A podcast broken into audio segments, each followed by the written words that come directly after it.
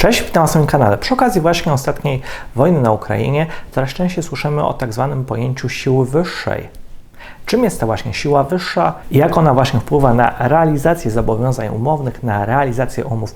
Zapraszam na odcinek, w którym będziemy to analizowali.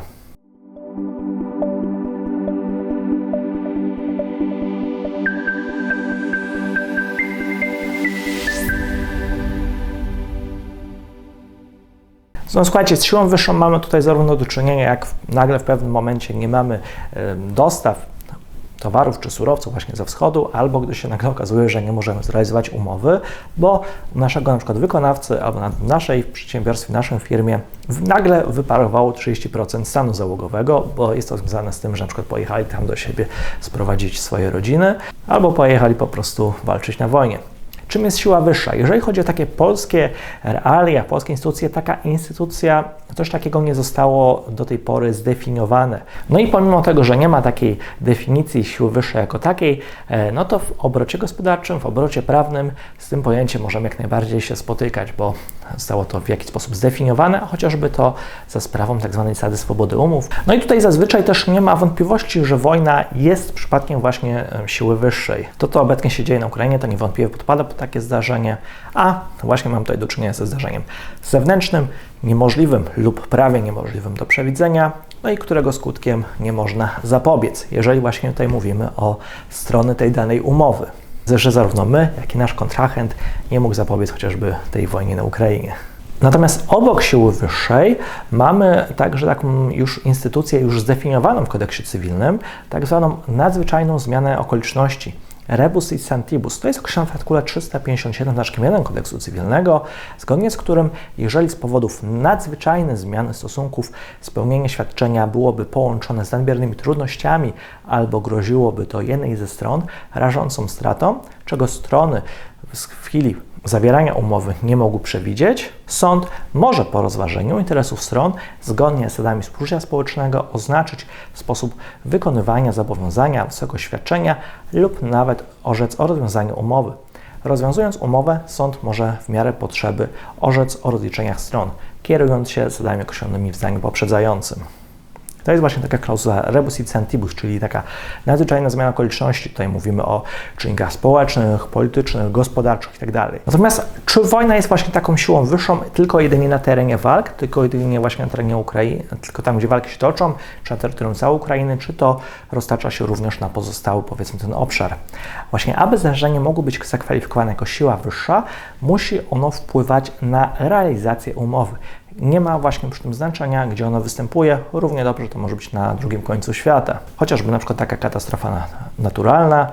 Ja swojego czasu kiedyś właśnie, jak jeszcze studiowałem dodatkowo prawo amerykańskie, dostałem kiedyś właśnie od organizatorów tego naszego e, szkolenia jakiegoś takiego maila. Szanowni studenci, z powodu wybuchu wulkanu zajęcia w najbliższy weekend są odwołane. To akurat to była siła wyższa spowodowanych właśnie taką katastrofą naturalną, czynkami naturalnymi, czyli wybuchem wulkanu. No jak wiadomo, wtedy generalnie no nie mogliśmy przewidzieć, że akurat wtedy wybuchnie ten wulkan, e, nie mogliśmy zapobiec skutkom wybuchu tego wulkanu.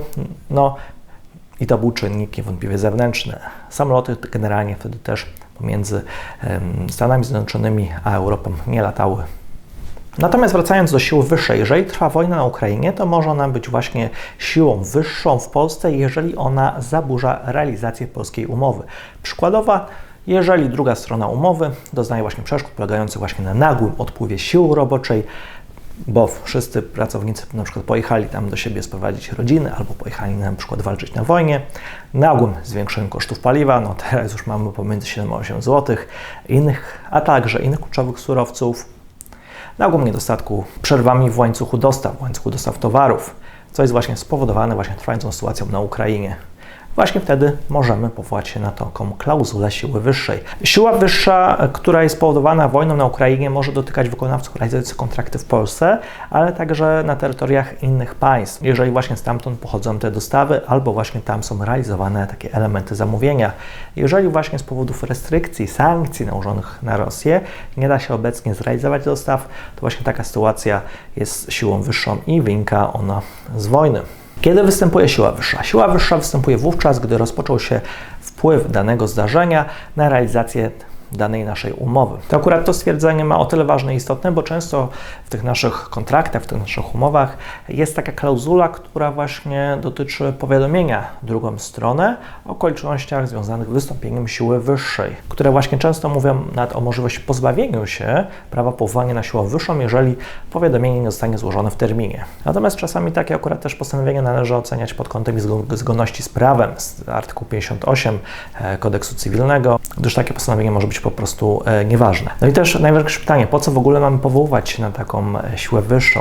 E, To jest akurat najczęściej wtedy, gdy na przykład w umowach przewidziano zasady odpowiedzialności, na przykład kary umowne za nieterminową realizację umowy, w ogóle po co w ogóle musimy się powołać na taką siłę wyższą? To ma znaczenie zwłaszcza w takich sytuacjach, kiedy przykład w umowach przewidziano na przykład kary umowne za nieterminową realizację umowy, czy właśnie za niewykonanie jakiegoś zobowiązania. To właśnie taka druga strona umowy, która właśnie doznała takiego uszczerbku wskutek takiej wystąpienia, takiej siły wyższej, mogłaby się na taką klauzulę e, powołać i właśnie mógłby wywodzić stąd brak swojej winy. Także należy pamiętać, że jeżeli nawet nie ma w takiej umowie klauzuli siły wyższej, no to mamy ogólne zasady kodeksu cywilnego, w szczególności artykuł 471 kodeksu cywilnego, zgodnie z którym jeżeli właśnie dłużnik obowiązany jest do naprawienia szkody w wyniku z niewykonania bądź nienależytego wykonania zobowiązania, chyba że niewykonanie lub nienależyte wykonanie zobowiązania jest następstwem okoliczności, za których dłużnik odpowiedzialności nie ponosi, czyli przykładowo właśnie taką siłę wyższą, więc można powołać się na wystąpienie tej siły wyższej właśnie nawet gdy ona nie została wprost wpisana do tej umowy, gdy nie jest w tym kontrakcie, ale wtedy oczywiście, gdy mam to na papierze, zawsze nam łatwiej mm, pewne te okoliczności przepchnąć. Po części z taką siłą wyższą możemy mieć także do czynienia w przypadku przykład bojkotu